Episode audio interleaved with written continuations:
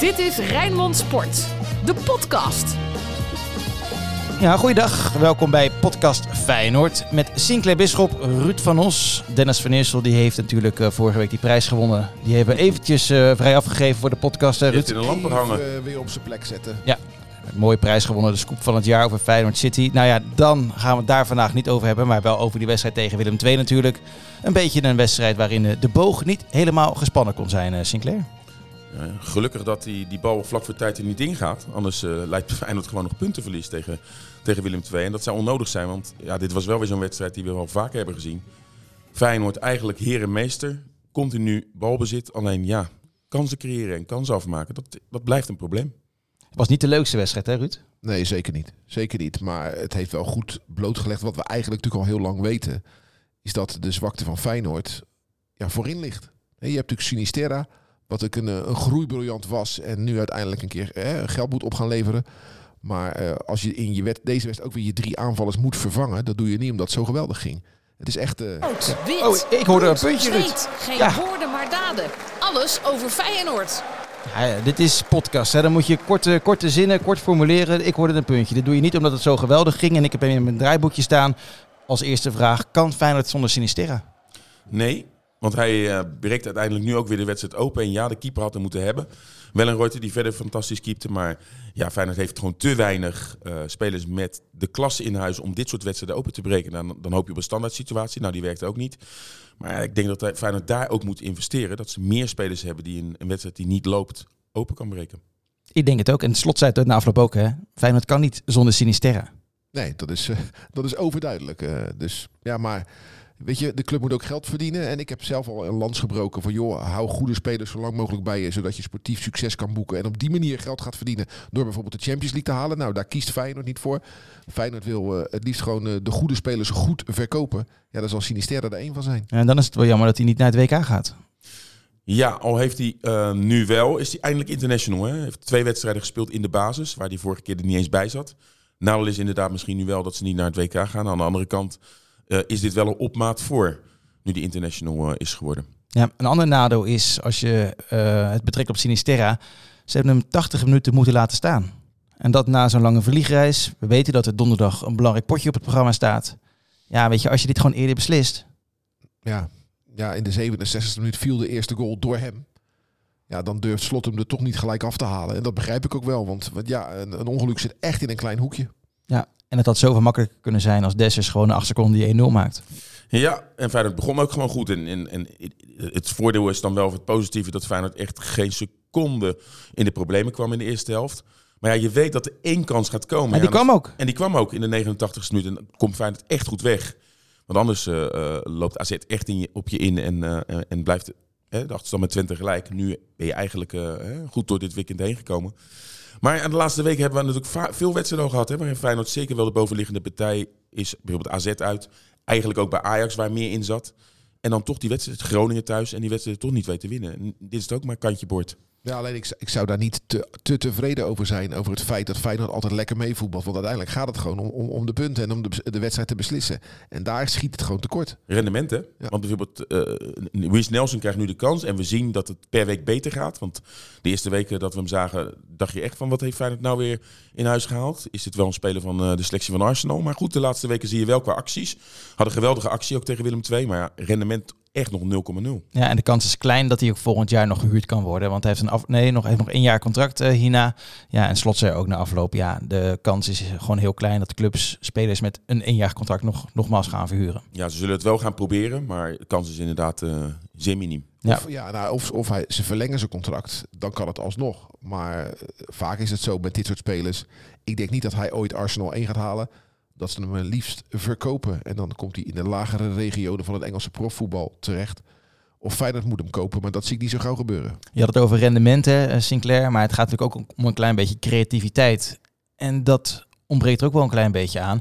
Helemaal ook, als je kijkt naar de nummer 10 daar, Guus Stil zou misschien ook een beetje voor creativiteit moeten zorgen. Maar ik vind hem na de winststop echt twee klasses minder dan voor de winterstop. Ja, en dat heeft er dan misschien mee te maken dat hij de laatste jaren weinig gespeeld heeft. Hè? De laatste twee jaar dat dat nu een beetje opbreekt. Uh, bij Oranje ook niet gespeeld, zat wel bij de selectie. Maar ja, hij is nog wel belangrijk voor het elftal. Hoe die sleurt, uh, is nog altijd je topscorer. Heeft er 14 in liggen, dus die ga je niet snel wisselen. Maar ik begrijp wel wat jij bedoelt. Dat het, eh, ja, de uh, Gusteel van uh, na de winterstop, dat is een hele andere dan voor de winterstop. Aan de andere kant heb je dat ook met Linsen gezien. Hè? Geweldige eerste seizoen zelf, na de winterstop niet goed. Jawel, maar Linsen werd langzaam- gewisseld en Til niet. Nee, en lang- maar langzaam maar zeker komt Linsen nu ook wel weer een beetje in het ritme. Dus misschien dat het bij Til ook wel terug gaat komen. En ehm, ja, de pech was natuurlijk ook dat Toornstra ziek was. Hè? Anders was er misschien, denk het niet hoor, maar dan had misschien wel de keuze dit keer op Toornstra eh, eh, kunnen vallen. Aan de andere kant zal Slot zeggen, hij scoorde nog in de arena. Ja. Voor, voor wie had jij dan, eh, wie had je dan gebracht voor Til? Nee, in dit geval, in dit geval niemand. Maar het is niet iets wat. Nee, niemand. Nee, nee, nee, nee, nee, nee, nee, nee, nee, want het gaat niet. Nee, maar het gaat niet alleen op basis van deze wedstrijd. Eh, het valt mij gewoon op dat Til altijd als eerste op het wedstrijdformulier gezet lijkt te worden. Dat vind ik niet zo gek hoor, met 14 doelpunten. Nee, op basis van die eerste seizoen zelf niet. Ja. Maar ja, maar je moet ook verder kijken hè, dan wat hij voor het elftal doet. Eh, en, en hij en daarom stel ik die vraag ook. Ja, maar ik begrijp wel dat, dat hij normaal gesproken als eerste of een van de eerste op het wedstrijdformulier komt. Aan de andere kant kan je ook niet om Toornstra heen. Als je hem ook weer in de arena zag, zag voetballen, was dit misschien wel een moment geweest dat er een keuze gemaakt had moeten worden. Ehm, maar Toornstra was ziek, dus die keuze Ja. hoefde niet gemaakt te worden. Uiteindelijk is hij er wel uitgegaan, Til. Cole Bassett. Ja, toch zeker 90 seconden gespeeld. Ja, en daar ben ik zo blij om, want er was een Amerikaanse eh, journalist naar de persconferentie gekomen die, om een portret te maken van Cole Bassett. Die was helemaal naar Nederland voor Cole Bassett. En die, stu- die stelde dan nog een vraag na afloop van oké, het was maar eh, een eh, 30 seconden. Maar wat vind je van Cole Bassett? Nou ja, er werd natuurlijk eh, eh, het smadelijk eerst om gelachen. Maar uiteindelijk gaf Arne Slot wel eh, eh, een mooi antwoord. En dat En wat zei hij dan? nou, dat hij dus echt voor de toekomst is gehaald en dat hij er nu aan moet, eh, aan moet ruiken. En dat er een speler wel met veel mogelijkheden. Maar opmerkelijk dat in Amerika zit wel heel groot. Hè? Dat, eh, na afloop eh, eh, eh, nog met wat collega's gesproken, die zeiden ook, ja, maar Amerikanen die in Europa spelen, ja, dat wordt in Amerika vaak toch gezien. Hij is daar ook international. Hebben we ook vaak met de Japanners gezien. Dat we ook la- vaak aan het lachen waren dat als dan eh, Japaner bij Feyenoord speelde, of zelfs bij kleinere clubs, dat er zaten alleen maar Japanse journalisten met allemaal aantekeningen die kranten te maken. Met allemaal eh, tekeningen hoe een wedstrijdsituatie zich voor heeft gedaan. Maar goed, dat wordt daar echt gevreten. Dus aan de andere kant begrijp ik het dan wel. Nou ja, je hebt natuurlijk een, aantal goede Amerikanen in Europa. eh Pulisic, eh Reina. Dus, dus de, de lat voor Bassett ligt vrij hoog als je een van de betere Amerikanen in Europa moet worden. Want dat zijn echt hele goede spelers. Hè. Vroeger ja, gaven we niet zo hoog op voor het niveau uit dat land. Maar tegenwoordig eh, komen er goede voetballers vandaan. En eh, laten we hopen dat hij zich tot dat niveau weet door te ontwikkelen. Maar inderdaad, ik denk dat je voor dit seizoen niets van Cole Bassett moet verwachten. Ik had wel inmiddels meer verwacht van Wooyemark dat hij ja, eh, meer zou kunnen betekenen. Hè? Dat is een goede voetballer. Die kwam in januari, maar toen begon in Zweden pas de voorbereiding. Hij stond dus op nul. Dan heb je een week of zes nodig om fit te worden, want zo werkt dat in de zomer ook. Dus ik had gedacht dat hij na een maand of twee, dus, dus zo, zo, zo eh, eind februari, wel eh, ja, zijn minuten kon gaan maken. En hij maakt zijn minuten ook wel. Maar de echte basisplaats doorbraak, die, die is er gewoon nog niet. Dus dat- dan vraag ik me af, wat mankeert er nog aan Wooyemark dat dat niet gebeurt? Maar zeker omdat die rechtsbuitenpositie Precies. Op dit moment gewoon niet eh, functioneert. En ja, je, je merkt wel dat hij nog moet wennen aan hoe Feyenoord speelt. Hè? Met name in balverlies. En als hij mee moet verdedigen, dan, dan is het nog wel wat wild. Had ook wel een paar slechte kaatses, waardoor het veld open lag. Dus ja, hij moet ook nog echt, echt, echt wel eh, werken aan eh, eh, niet alleen een mooie voorzet kunnen geven, want dat zien we. Maar ook gewoon echt aan het hele complete plaatje. Want het verwachtingspatroon van deze meneer is eh, echt gigantisch. En door wie komt dat? Ja, Door zichzelf? Komt het door Nee, ons, nee. de media? Zeker Nee, niet de door trainer? zichzelf. zeker niet door zichzelf. Zo, Sinclair. Ja, Nee. eh, Gaat het? ik heb met Dennis eh, staan zoenen. Oh, is dat het? Oh ja, dat kan allemaal tegenwoordig. Hè. Hey, die Pedersen, deed hij het nou wel of niet goed? Je kan zeggen, joh, Nee, hij komt heel vaak in die positie. Dat is een kwaliteit. Maar het rendement mag wat hoger. Nou, niet goed, maar ja, als verzachtende omstandigheid kan je dan wel aanvoeren dat hij de laatste weken niet heeft gespeeld. En erin eruit, dat is de, eh, sommige spelers hebben echt ritme nodig. Nou, met name de eindpas, daar ontbrak het aan. Hè. En voor de rest, ja, maar dat, dat, dat eh, heeft hij altijd wel, zijn drijf en zijn dreiging. Alleen ja, het gaat ook om rendement. En als je iedere keer doorstoomt en eh, de verkeerde keuze maakt op de achterlijn, dat zorgt er ook voor dat er eh, weinig kansen werden gekeerd. Hij had één kans en die schoot hij hoog over. Maar goed, dan kan je zeggen het is een verdediger en geen aanvaller. Moeten we het nog over de keeper hebben? Wat jij wil. Daarna, ik wilde naar de Feyenoord van de week, maar... de- Nou, Marciano niets te doen gehad, maar wat hij te doen heeft gekregen, zag het er ook weer niet helemaal eh, lekker uit. hè? Zo'n bal waar hij op aan het grabbelen was. Ja, dat bedoel ik. En we hebben het al eerder gezegd. Hè, Feyenoord gaat Bijlo missen in de rest van dit seizoen. Dit was een tegenstander die weinig eh, in de melk te brokkelen had. Willem II in de Kuip. Maar eh, als de tegenstanders zwaarder worden. Dus aanstaande donderdag Slavia Praag. eh, en dan zondag Heracles uit. Op kunstgras. Dan ja, moet hij echt beter voor de dag komen hoor. En dus moet je op zoek naar een, in de zomer naar gewoon een nieuwe keeper. Toch? Dat sowieso. Een tweede keeper sowieso achter Bijlo. Het liefst eentje die er dicht tegenaan zit. En het allermooiste zou zijn als je iemand echt van het niveau kan halen. Maar goed, die willen dan ook garanties dat ze eh, een eerlijke kans krijgen. En je gaat niet je keeper van Oranje, als die fit is, die ga je dan passeren. Maar ja, stel dat je Unestal of zo zou kunnen halen. Maar ja, Unestal lo- zal ook zeggen, ja, ik, ik ga niet op het tweede plan. Ik ga niet tweede dag kijken. Dan kan, had ik net zo goed bij PSV kunnen blijven. Ja, maar dat is het vaak. Hè. Kijk, een, eh, een, een, een tweede linksback die weet, ik ga mijn minuten toch wel maken in zo'n seizoen. Maar als je tweede keeper bent, hoe goed je ook bent, als de eerste voldoet, dan speel je gewoon niet. Ja, en dan zie je dat Feyenoord in zo'n enorme luxe positie heeft gezeten. Met eh achter Bijlo, of ook wel eens voor Bijlo. Met een Kenneth Vermeer, eh Brett Jones. Ja, dat waren gewoon hele goede... Ja, en, en, maar daar, daarachter had je... Een Marsman, niet, Eh, niet te vergeten, die het goed deed. eh, je hebt die, die Joris Delle gehad. Hm. En eh, Marsman. En Zo'n Zweed. Marciano. En eh, ja, hoe heet die Zweed ook alweer? Hansson, Hansson. Dus je ziet dat op die positie er bijna ieder jaar een ander staat. Omdat die gasten natuurlijk een jaartje op de bank zitten in de Kuip wel oké vinden. Maar daarna toch wel liever weer willen gaan spelen dan maar bij een kleinere club. Maar eh, ze, ze houden dat niet zo heel lang vol. Ja, maar Delle en Hansson waren derde keepers, hè? Ja, Ja, maar, precies. maar eh, aan Marsman heb je wel gezien dat het ook je carrière wel weer een boost kan geven. Want laten we eerlijk zijn, toen Marsman bij Utrecht zat, lachten we hem allemaal uit van, ja, wat is dat nou voor een keeper? Is, is geen goede keeper. Kwam bij Feyenoord als tweede keeper, heeft het zo geweldig gedaan dat hij mede daardoor zijn transfer eh, te danken heeft naar Amerika. Inter dus- Miami. Ja, dus soms kan het ook goed zijn hè, om een jaartje eh, op het tweede plan. Zie je eigenlijk ook bij Unestal. Hè, die, eh, bij PSV was de situatie toch wel uitzichtloos en heeft zich nu wel weer in de kijker gespeeld. Ik sluit niet uit dat iemand hem nu bij Twente gaat Ja, wegkopen. ze hadden Okoye moeten halen. Achteraf. En dan, eh, dan, dan ietsje eerder dan... eh, Hoe dan?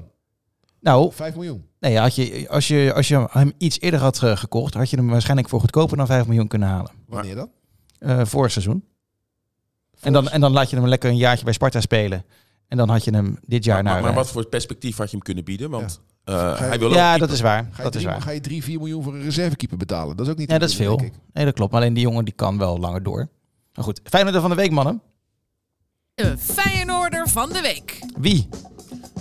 Ja, dan moeten we toch Louis Sinisterra noemen. Die dan, eh, ondanks dat hij twee keer in de baas heeft gestaan, lange vliegreis achter de rug, nauwelijks getraind heeft, dan toch die wedstrijd openbreekt. Eh, en dus laat zien dat hij onmisbaar eh, is. Ruud? Ja, d- dat is, dat is toch de enige dan? Ik vind het wel leuk voor Linsen dat hij scoort. Maar dit was zo makkelijk met dank. Je zou bijna zeggen Wessel Dammers Feyenoorder van de week. Hè? De voormalige eh, jeugdspeler die die fout beging. Maar dat was, dat was een intikketje. Dus, dus ja, ze geven weer niets weg. Maar dat had ook met de zwakte van Willem II te maken. Dus ben je toch wel snel geneigd om eh, bij, eh, ja, bij, bij Louis Sinisterra uit te komen. Straks blikken we vooruit ook op die wedstrijd van aankomende donderdag. Dan krijgen we de vraag weer voor de duizendste keer dit seizoen. Dessers of Lins in de spits. Je had ook Sipke Hulshoff kunnen noemen. De trainer die verlengd heeft en die op voorspraak van Arne Slot, zoals ik het begrijp, eh, bij de technische staf van Feyenoord 1 eh, gaat komen. Heb je straks drie assistenten. Ja, maar dat zei ik van de week in FC Rijnmond ook al. Ik bedoel, eh, Amerika is voor ons een voorbeeld als sportland. Nou, daar hebben ze voor iedere linie in elke sport meerdere coaches. Daar zitten soms meer coaches op de bank dan spelers. En dat vinden we het beloofde land qua sport. Ja, waarom zou dat in het voetbal dan niet kunnen? Ik ben blij dat er eindelijk een professionalis- professionalisering plaatsvindt in het voetbal. En heeft plaatsgevonden. En niet meer eh, zoals vroeger eh, één trainer en een, eh, en een masseur en dan zoek het verder maar uit. Natuurlijk, het was natuurlijk veredelde amateursport tot aan de jaren negentig. Nou, ze gaan steeds een stapje verder. Ik vind het goed hoor. Breid die staf maar uit en kom maar met die specialisten. Ja, en hij is tactisch heel sterk. Hè? Ik begreep ook dat hij vorig jaar bij Volendam als assistent van Wim Jonk gewoon echt heel belangrijk was. We zagen ook dit jaar, zeker toen door het coronajaar het onder 21 elftal niet in actie kon komen, dat hij heel veel trainingen bij Feyenoord heeft geleid. En hij is natuurlijk wel iemand uit de school van Slot. Ze hebben dezelfde denkwijze. En als Feyenoord echt slim is, dan zou je dus, en misschien dat het op de achtergrond ook beloofd is, zou je deze Hulshoff, Sipke Hulshoff, kunnen opleiden zodanig dat hij straks het stokje van slot kan overnemen. Zodat je wel ehm, eigenlijk de lijn die is ingezet, dat Feyenoord straks niet weer het beleid helemaal weer overboord gooit, mocht slot ineens weggaan. Dat je weer bij een advocaat uitkomt. Ineens een heel ander soort type spel en een heel soort ander beleid. Dus ik vind dit wel een hele goede zaak. Nou, laten we eerlijk zijn, eh, eh, er is ook een, een, een rolverdeling. De Wolf, die doet weer hele andere dingen, is misschien niet, weet ik niet precies, maar misschien tactisch eh, doet hij weer andere dingen. Hij is misschien meer met de verdedigers bezig. En ehm, eh, hè, als, als, als klankbord van, van Feyenoord. En zo heeft iedereen wel zijn Ja. eigen rol daarin. Nou, daar vrees ik dan wel, hoe, want ik vind John een hele aardige gozer, dat hij een beetje, ja, dat dat slot klikt met Hulshoff. Pusic heeft hij zelf meegenomen. Dat eh John een beetje het vijfde wiel aan de wagen wordt. En eh, dat zou ik wel sneu vinden. Maar heeft John de ambities om ooit hoofdtrainer bij Feyenoord te nee, worden? dat Nee. zeker niet. Nee. Dat zeker niet. Maar hij moet wel een volwaardige rol hebben in de staf. Nou ja, toen die bij eh, advocaat en pot erbij kwam, toen was het ook omdat het in die tijd heel belangrijk was dat je een Feyenoord DNA in de technische staf had. Toen ging het allemaal niet zo goed. Nu gaat het wel goed. En is dat allemaal niet, is dat wat minder belangrijk, Ja, denk nu, ik, Feyenoord maar het kan DNA. ook volgend jaar kan het allemaal wel tegenvallen. En dan is het wel misschien wel weer belangrijk dat je toch eh, eh, ja, een boegbeeld zou hebben op het moment dat het minder is. En hij is ook wel gewoon belangrijk hoor. Dat merk je ook gewoon. En, en, en is natuurlijk ook een sfeermaker. Ja, maar, ja, ik, ik, zonder bijbedoelingen, waar merk je dat aan? Want dat, dat zie ik niet vanaf de buitenkant. Nou, ik, ik zie dat hij en goed in die groep past. Ik zie dat het een sfeermaker is. En ook gewoon, en dat is ook heel erg belangrijk. Ook als je ergens anders eh, komt bij Feyenoord. Ja, John de Wolf blijft gewoon heel populair. Dus iedereen maakt een praatje met John. Jawel, maar je bent geen assistent om John de Wolf te zijn natuurlijk. Nee. Nou ja, hij moet wel een toegevoegde waarde hebben. Die moet meer zijn dan alleen de pionnen neerzetten. En dat bedoel ik dus. Hè, want wij, vinden hem veel te aardig. We hebben hem graag eh, hier over de vloer. En we hebben hem ook vaak over de vloer gehad. Omdat we hem goed vinden en eh, als analist. En een aardige gozer vinden. Maar ik hoop niet dat hij eh, dadelijk een beetje inderdaad als, als John de Wolf... eh, wordt toegevoegd aan de staf. In plaats van Maar je hebt ook. Maar je hebt ook een assistent nodig die een beetje nog tussen die spelers staat. Eh, dus vaak is dat een jonge iemand. We hadden Bakati eerder. Eh, en dat is hij. En we hebben zagen ook toen vorig jaar Prato zijn been brak. Dan gaat hij er naartoe. En ja, hij is ook wel met die verdedigers altijd bezig. Je ziet dan voor de wedstrijd zie je dan altijd dat hij nog even met Trauner en met Senesi, dat hij nog even wat ballen gooit. En echt specifiek met die, met die verdedigers. En ja, hoe belangrijk hij daarin in is dat de verdediging goed staat, dat weet ik niet. Maar het is wel handig om wel wat specialismes te hebben op zo'n bank. Ja, ik hoop in elk geval wel dat Hulshoff Jong Feyenoord nog naar de tweede divisie kan, eh, kan loodsen. Maar dat wordt een heel lastig verhaal eh, als je kijkt naar de stand van, op de ranglijst. Nog vier wedstrijden te gaan, vier punten Ja. achter Almere City. Maar dat heeft er ook te maken dat Feyenoord natuurlijk de keuze heeft gemaakt door het coronajaar twee keer. Om in de winterstop toch afscheid te nemen van spelers die het elftal wel sterker hadden gemaakt. Hè. De, nou ja, Maar eh, die ene zin die jij nu uitspreekt, doet me zo pijn. Feyenoord vier punten achter Almere City. Het moet toch zo zijn dat Almere City 900 punten achter Feyenoord staat? Of hoe zie ik het nou? Nee, maar die hebben het Wiegers Maduro, hè? Ja, Dat is toch echt een hele goeie. ja. Dat die geen hoofdtrainer bij Feyenoord wordt. Want dat schijnt echt dat... dat, dat eh, iedereen zit achter me aan. Hè? Paris Saint-Germain, Real Madrid, eh, ze noemen ze allemaal maar. Die, eh, nee, gekheid. Maar Nou ja, die jongen die, kan, die, die levert kennelijk goed werk. En, eh, Hij het wordt is, bij PSV, bij Sparta ook zo. nee, Sparta is afgeschoten. We hadden, afgelopen Ja, vrijdag hadden we... En PSV gaat hij ook niet doen. Maar Nee. dit, dit is een Feyenoord podcast. Precies. Maar goed, eh, het is in elk geval te hopen dat Jong Feyenoord zo snel mogelijk omhoog gaat. Maar dat zal dit seizoen een, een lastig verhaal gaan worden. Er komt wel binnenkort een explainer. Dat betekent eh, een uitlegger, als je het echt letterlijk gaat vertalen. Maar daarin, daarin een video, die wordt inderdaad, daarin wordt eh, eh, duidelijk eh, wat de weg moet zijn. Wil Feyenoord ooit in de KKD eh, gaan en gaan jouw grote vriend gaat het doen, hè, Melvin Boel. Nou, dat is helemaal niet waar. Dat is niet waar. Nou, nog niet. Nee, nog niet. Nog niet. Maar Nou ja, die kans, die kans is aanwezig. Die kans is aanwezig. maar ik kan me voorstellen dat hij even, eventjes nog wil wachten. Goed, ik ga er niet te veel over Feyenoord zeggen. wil niet wachten. Nee, nee, nee, nee, nee. Maar het is gewoon een goede. Weet je, hij zou prima een prima trainer zijn voor de onder 21. Dan hou je ook een beetje dat die eigen, die nieuwe Feyenoord-lijnen in je eigen opleiding natuurlijk. Archief Feyenoord, mannen. FC Rijnmond. Archief. Donderdag. Ja, Slavia Praag. Nou, we hebben een recente editie. Ja, En dat was ook echt een geweldige. Dat was een van de mooiste Europese wedstrijden van de laatste jaren. ja uit bedoel je. Uit, ja. Waarbij natuurlijk de ontknoping met 10 man en Dessus in de 93ste minuut een bal binnenkopt. Waardoor een feestje gevierd kan worden. Dat Feyenoord definitief eerste eh, in de pool eindigde van de Conference League. Dus alles kwam daar samen in Praag. Ehm, dus ja, die wedstrijd Slavia Praag-Feyenoord van eh, november. Eind Maar, november. maar, Ja. maar, maar Feyenoord uit in Europa is natuurlijk meer dan alleen die 90 minuten. Dat, dat begint de dag ervoor al met eh, terrassen vol en gezelligheid. En ik benadruk inderdaad de gezelligheid, want het was in Berlijn feest, het was in Praag was het eh, feest. Belgrado. In Belgrado eh, was het feest. Dus eh, de, ik ben blij dat de Feyenoord supporters hebben aangetoond aan de rest van Nederland die daar cynisch naar kijken. Van ja, dan gaan ze weer die, die, die, die rotzooi schoppers. Nou, dat is dus niet gebeurd. Hè. Roma wordt zo lang een beetje weggepoetst. Dat is, dus daar ben ik heel blij mee. En ik hoop dat dat nu ook weer gaat lukken. Maar ja, jullie zijn er ook bij geweest in, in die stad toen de dag ervoor. En op de, de wedstrijd de dag zelf. Ja, de, daar, tuurlijk, de, de, helaas heeft de politie wel in moeten grijpen. Hè, toen met, met, met wel Ja. vuurwerk en zo. Maar over het algemeen was de, als je eraan terugdenkt, toch wel heel positief. Heel positief was het. Ja, het was echt, eh, echt hartstikke leuk eh, om erbij te zijn. Ik was toen donderdagochtend met twee groundhoppers naar van die oude stadions geweest in Praag. Echt hartstikke leuk. Dus zit je nu te luisteren en je weet nog niet wat je gaat doen in Praag overdag eh, of in de ochtend. Iets anders dan bier drinken. Dan kan je echt naar hele mooie stadions daar. Dat stadion van Bohemians, echt top.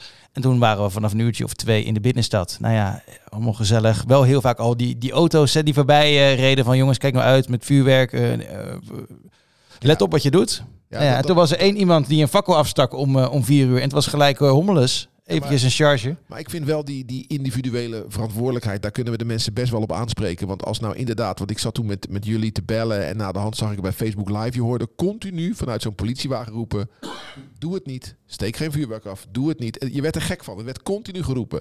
En als er dan toch één zo'n bijgoochel... Ja, maar dat is één hè Ruud? Ja, Eén op 3000 Dat toen. zeg ik. En die, die individuen spreek ik dus nu dus ook aan, want je verziekt het voor iedereen. Nou, Je- dat zegt Ruud goed, hè? Want Feyenoord staat er eh, niet goed op bij de UEFA. Het is echt al eh, eh, een zegen dat het nu toch uit fans mogen. Want er was echt een reële kans dat de UEFA heeft gezegd... naar aanleiding van toch kleine incidentjes in Belgrado... dat er geen fans meer... En het is nu toch echt nu, eh, eh, eh, 2 voor 12. Dus met andere woorden, je wil er toch niet aan denken... dat straks in de halve finale bij Thessaloniki of Marseille...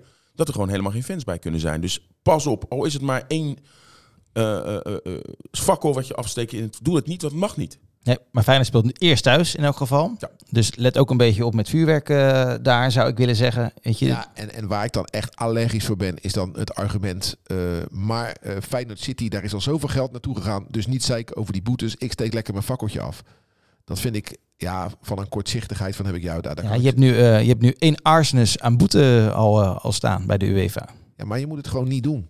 Je moet het gewoon niet doen. Ik bedoel, je kan ook best wel feest vieren zonder vuurwerk. Echt, dat Nee, kan. doe, doe, het, doe het desnoods zoals in Belgrado eh, ging. Toen hebben ze, nou, dat was wel heel erg veel vuurwerk, maar buiten het stadion eh, Ja, gedaan. georganiseerd door de club. Ja, dat was maar- echt goed. Dat Maar was wat, echt goed. Wat, wat is er nou gebeurd in ons leven? En dat is, geldt niet alleen voor Feyenoord, geldt ook voor andere clubs. Dat ineens voetbal niet meer zonder vuurwerk kan. Wat, waar, waar is dat nou? waar is dat omslagpunt gekomen? Tuurlijk werd er vroeger ook wel eens vuurwerk afgestoken. Maar nu blijkt het wel alsof een aantal supporters vindt dat dat niet meer zonder kan. Dat is toch onzin? Ja, veel supporters vinden het sfeerverhogend. En ik moet zeggen, de plaatjes, eh, daar doen wij ook aan mee. We vinden het wel altijd heel mooi om te zien, ook bij een opkomst. Spelers geven Alleen- aan dat ze er een boost van krijgen. Ja, alleen het mag niet. En eh, er zijn ook gewoon incidenten geweest, hè, eh, waarbij ook bij Feyenoord iemand zijn oog heeft verloren. En het blijft gewoon gevaarlijk. Laatst zag je ook in de arena dat er bijna Zo. eh, eh, het stadion in de fik vliegt. Dus er zitten gewoon risico's aan. Het mag niet. En dan moet je het niet doen. Zeker niet als er zulke boetes worden opge- opgelegd. En eh er voorwaardelijk, eh, voorwaardelijke straf boven je hoofd hangt. Even naar het sportieve. Slavia dit weekend eh ze konden koploper worden. uit topper, bij hè? Victoria Pilsen. Met 1-0 het, eh, voor, Dat is er 1-1. nummer één, hè? Ja, precies. Het was Pilsen tegen Slavia Praag. Eindstand 1-1. Waardoor Slavia dus tweede blijft in de Tsjechische competitie. Tornstra terug. Geertruida er sowieso niet bij. Gaat hij dan spelen, ook Tornstra? En op welke positie? Nou, je, zou natuurlijk ook hem wel, wel weer aan de rechterkant Ja. kunnen hebben. Hè? In, eh, in, in die vorm zoals we vaak hebben gezien. Maar dan zou hij dus Nelson eruit halen. Terwijl Nelson ja, de laatste weken toch tekenen van leven geeft. Ik verwacht dus eigenlijk toch dezelfde opstelling als afgelopen eh, weekend. Hè? Dus dat Toornstra op de bank begint en dan later in de wedstrijd er, eh, erin zou komen. Ik verwacht het ook, maar ik zou het wel jammer vinden. Ik, eh, ik zou wel Nelson op de bank laten zitten en eh Toornstra laten spelen. Maar dan wel op die positie die hem het minst ligt. Rechts Ja, voorin. ja, maar- ja, maar daar heeft hij wel goede wedstrijden gespeeld dit seizoen. ik net zeggen, de- de- zijn, zijn toegevoegde waarde is gewoon onomstreden. En, Maar het beste komt hij wel tot zijn recht op het middenveld. Zagen we ook tegen Ajax. Ja, dat heb je helemaal gelijk in. Maar jij zegt net zelf ook al, het rendement van Nelson is, is gewoon te laag. En je kan een hoop zeggen van uh, Torstra, maar niet dat zijn rendement te laag is.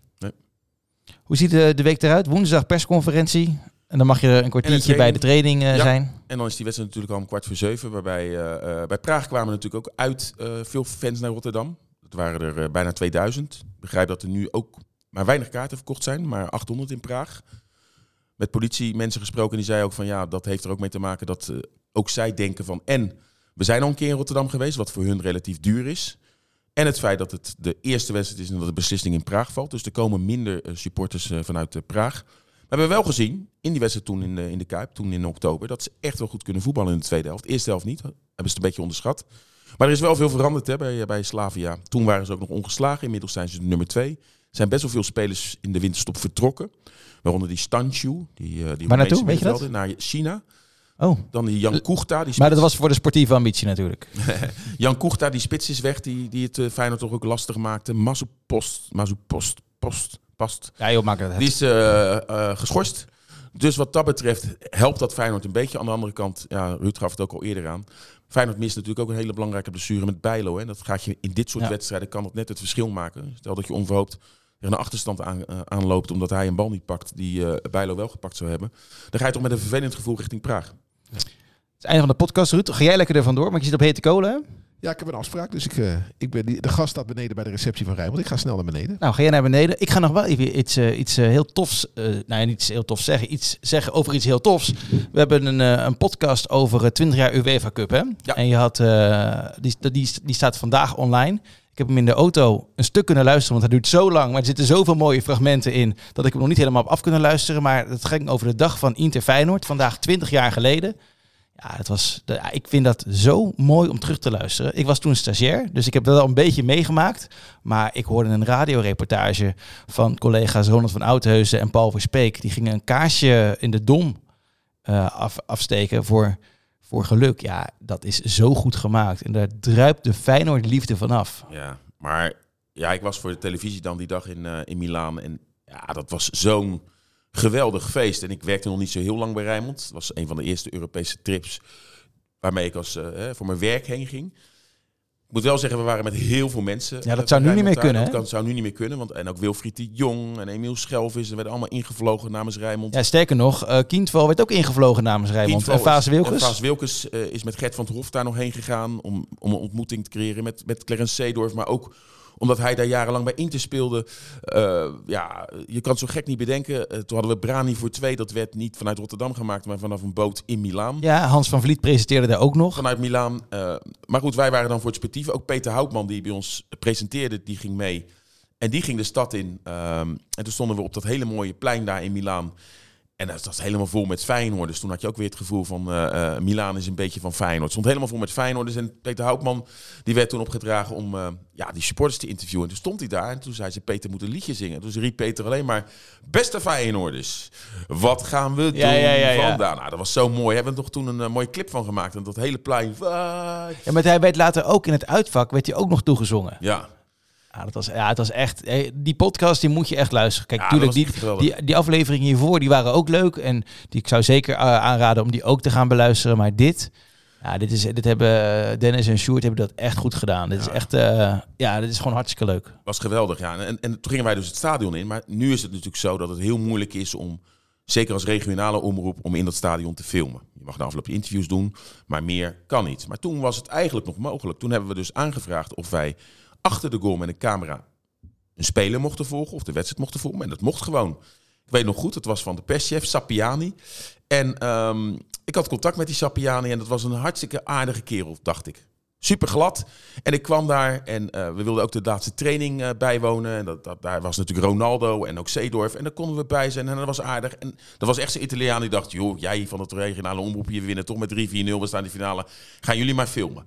Nou, was hartstikke leuk, want we kwamen het stadion in. Bob van Brugge, eh, voormalig cameraman bij ons. En ik kwamen het stadion in. En toen liepen wij naar de goal, maar voor de fanatieke fans van Inter. Feyenoord-fans aan de andere kant. En toen zei ik nog tegen Bob, wat doet al, wat doet al die vuurwerk, eh, wat doen al die brandweerwagens hier in het stadion? Wat, is hier? Hij zei, ja, weet ik niet, dat zal wel. Nou, toen was de opkomst er en wij stonden daar en er werd een vuurwerk afgestoken. Zelfs een scooter die vloog van de tweede Ja? ring naar beneden vlak naast ons. Nou, dat was echt dat we dachten, van, waar zijn we in eh, terechtgekomen? Maar goed, wij stonden wel aan de kant waar uiteindelijk het enige doelpunt viel. Waar eigen doelpunt Cordoba, harde voorzet van Van Hooijdonk. Ehm, en Feyenoord kwam daar voorsprong. Nou, daar hadden we zo'n mooi shot van. Ook nog een prachtige actie van Van Persie, wat vlak voor onze ogen gebeurde. Ja, en toen na afloop zijn wij dus gewoon ook echt eh, eh, gelijk het veld opgegaan met die camera. Met die spelers, daar zijn hele mooie shots van. Naar het uitvak, waar 6000 mensen aan het zingen waren. En dan stond Bob gewoon met de camera gewoon over de schouder van Zoetebier. eh met dat uitvak. Maar goed, was natuurlijk pas wedstrijd 1. Nou, toen wedstrijd 2, nou, toen kwam ik in de Kuip. Eh, we hadden, een geweldig feest was het ook weer. En kwam die Sapiani tegen. En die had echt nog het idee, dat we winnen wel met 3-4-0. En heel, eh, nou, we kenden elkaar en hij heel aardig. eh, heel glad weer. En echt zo'n Italiaan. Ik dacht, nou, mooi. Nou, toen afloop natuurlijk Feyenoord won. En toen had ik ook weer een vraagje of ik Ronaldo moest spreken. Nou, als blikken konden doden. En ja, in het Italiaans zat hij me alleen maar af te snauwen en te schreeuwen tegen mij. Toen ik heel normaal wat, eh, een vraag wilde stellen. Maar toen was Mr. Sapiani was even een supporter geworden. En dat was niet meer die aardige perschef die we toen in Milaan hadden leren kennen. Ja, mooi. Nee, je moet het echt even terugluisteren. Het is eh, eh, een podcast die nog langer duurt dan deze podcast. Want we zitten over vijf seconden exact op een half uur. Nee, het was... eh, ja, ga het, ga het terugluisteren. En eh, hou sowieso Rijnmond in de gaten deze week ook weer. Met eh, ja, al het nieuws rondom die wedstrijd. Die thuiswedstrijd tegen Slavia Praag. Dankjewel. FC Rijnmond, als je dit op maandag luistert. Chris Woerts te gast. Crypto Chris. Heeft ons ook een, eh, commercieel directeur ja. in de Kuip. Hè? Precies, die heeft altijd, die, heeft altijd wel wat, wat te melden. Heeft ons nog aan Cardanootjes geholpen, hè? Ja, dat gaat lekker nu. Het heeft nog niet geholpen. Ja, Cardano gaat wel goed. Nou, het gaat nu weer wat beter, laten we, laten we het zo zeggen. Maar goed, daarover een andere keer. Als je wat wil weten over crypto, kan je Sinclair en mij altijd een berichtje sturen. Als je je geld kwijt wil raken in elk geval. Oké, bedankt voor het luisteren. En heel graag tot een volgende keer. Tot snel. En dag. Dit was Rijnmond Sport, de podcast. Meer sportnieuws op Rijnmond.nl en de Rijnmond app.